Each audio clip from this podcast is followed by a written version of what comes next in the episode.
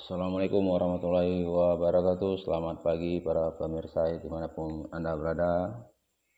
Saya di sini Fahri Fauzi uh, ingin melaporkan sesuatu, uh, ingin mengajak bincang-bincang uh, ngobrol dengan saudara tentang uh, pilkada yang akan dilaksanakan pada bulan Desember 2020 ini.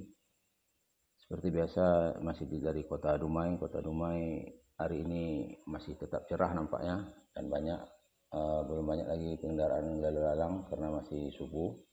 Tapi sebentar lagi mungkin agak ramai karena hari ini hari Senin. Hari Senin biasanya aktivitas mulai menggeliat karena awal dari pekerjaan. Selain dari itu hari ini udah tanggal 27 uh, mungkin sebagian sudah ada yang mendapat uh, gaji dari perusahaannya.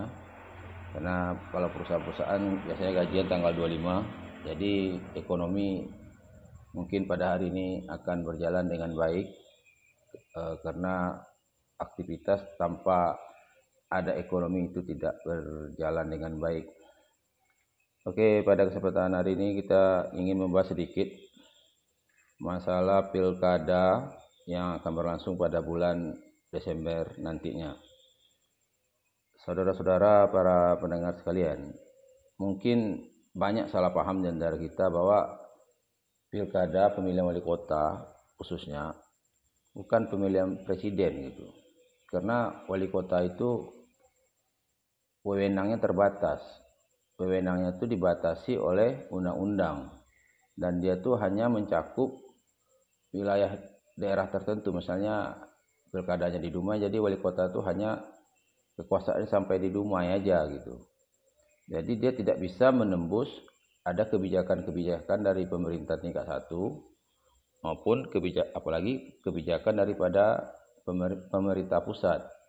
Nah, jadi kita harus hati-hati karena kita nanti eh, ada janji-janji kampanye yang tidak bisa ditepati nanti kita kecewa gitu. Jadi kita harus eh, betul-betul selektif dalam pemilihan siapa calon yang yang akan kita pilih. Sebenarnya orangnya itu tidak masalah siapa pun orangnya kalau selama dia tuh sifatnya membangun, membawa kesejahteraan, menjaga persatuan dan kesatuan, itu tuh boleh-boleh aja karena tujuan daripada pilkada itu adalah bagaimana masyarakat yang ada di tempat itu mencapai kehidupan yang layak, kehidupan yang yang lebih baik, kesejahteraan, keamanan yang nomor satu sehingga tidak perlu ribut-ribut untuk masalah siapa orangnya. Tapi kalau seandainya tidak ada pula pemilihan, uh, tentu dia tidak demokrasi pula. Uh, kalau tidak demokrasi, tentu dia menjadi efeknya ke depan menjadi tidak baik. Dia akan melahirkan pula seorang yang diktator. Jadi dia itu ke itu aja orangnya gitu. Jadi memang segala sesuatu itu adalah plus minusnya, ada baik buruknya. Cuma kita sebagai manusia yang bisa untuk memfilternya, menyaringnya mana yang terbaik, mana yang bagus ya kita ambil, kita kerjakan, kita laksanakan. Seandainya hal itu tidak baik atau tidak bagus, ya tidak usah kita kerjakan gitu. Saya rasa kalau untuk kota Dumai kita ini udah pemilihan yang keempat setelah era reformasi.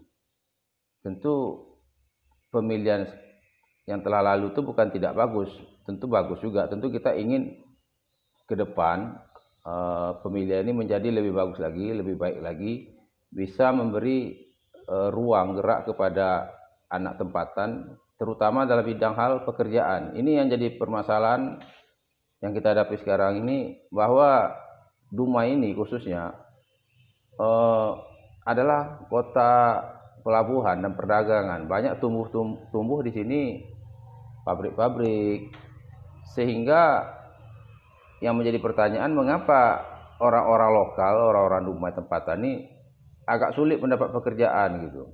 Ini yang banyak menjadi sorotan bagi bagi masyarakat karena lowong pekerjaan itu diisi ditempati oleh orang yang berada di luar daerah gitu.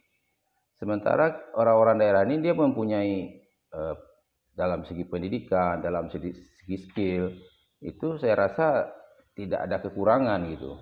Karena sekarang ini kan zamannya kan udah terbuka. Jadi mungkin orang Dumai ini dia merasa tidak ada kekurangan lagi. Kalau dulu mungkin ada alasan dari pemerintah pusat orang di rumah tidak punya apa nama tuh pendidikan yang layak. Kalau saya kalau sekarang ini itu tidak menjadi alasan lagi gitu.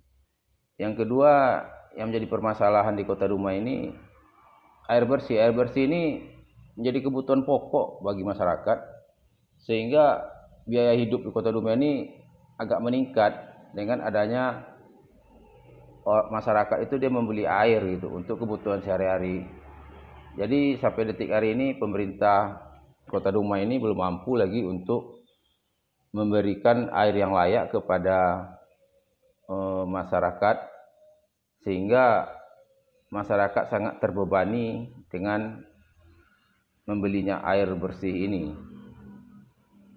Selanjutnya mungkin jadi permasalahan juga untuk ke depan untuk Kota Duma ini bagaimana wali kota itu bisa menertibkan uh, sampah yang sekarang ini kurang apalah kurang bagus masih banyak juga berserak-serak di jalan ini supaya di di cover dengan baik sehingga kota kita itu menjadi kota yang bersih. Kalau bersih kotanya tentu banyak para pelancong-pelancong lokal datang sehingga dengan datangnya pelancong lokal itu membuat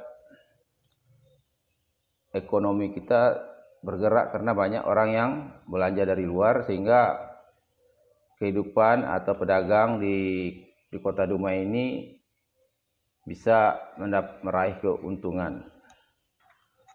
Saudara-saudara pendengar sekalian, wali kota juga bisa untuk membangun sarana olahraga. Sarana olahraga ini sampai detik hari ini kita sebagai kota nomor dua di kota Dumai, tetapi kita tidak mempunyai suatu stadion gitu, stadion sepak bola yang nomor satu karena itu olahraga yang paling banyak peminatnya sehingga masyarakat butuh juga hiburan, butuh juga rekreasi. Itu untuk bagi yang masyarakat yang udah dewasa untuk bagi anak-anaknya mungkin ingin juga mereka berprestasi di bidang olahraga sehingga mereka tidak perlu lagi pergi keluar. Karena olahraga ini bukan hanya sekedar untuk rekreasi dan hiburan, bisa juga menjadi e, lapangan pekerjaan sehingga mereka bisa menghasilkan income dari bermain sepak bola. Mungkin untuk di Kota Dumai ini belum ada pemain-pemain kita yang bisa e, ke arah sana, tetapi kalau kita punya jalur, punya tempat, punya sarana, kenapa tidak? Tentu akan lahir anak-anak Dumai ini yang bisa bermain sepak bola yang bisa menghasilkan uang. Jadi kita harus bisa memperhatikan bahwa wali kota dia memang tidak presiden tetapi wewenangnya ada walaupun terbatas tapi bisa untuk membuat e, masyarakat yang ada di daerahnya itu untuk menjadi lebih sejahtera. Ini kita lihat di beberapa daerah lain di tingkat dua di, di Indonesia ini baik itu bupati atau wali kotanya bisa manajemen daerah dia itu menjadi daerah yang bagus sehingga masyarakatnya kesejahteraannya agak mapan daripada yang lain. Kalau kita lihat Duma ini mempunyai anggaran yang cukup lumayan satu triliun lebih kurang per tahun anggaran itu bisa dimanfaatkan sebaik-baiknya untuk kesejahteraan kota Dumai. Baiklah saudara-saudara sekalian, para pemirsa sekalian, untuk pagi ini saya rasakan cukup sampai sekian. Assalamualaikum warahmatullahi wabarakatuh.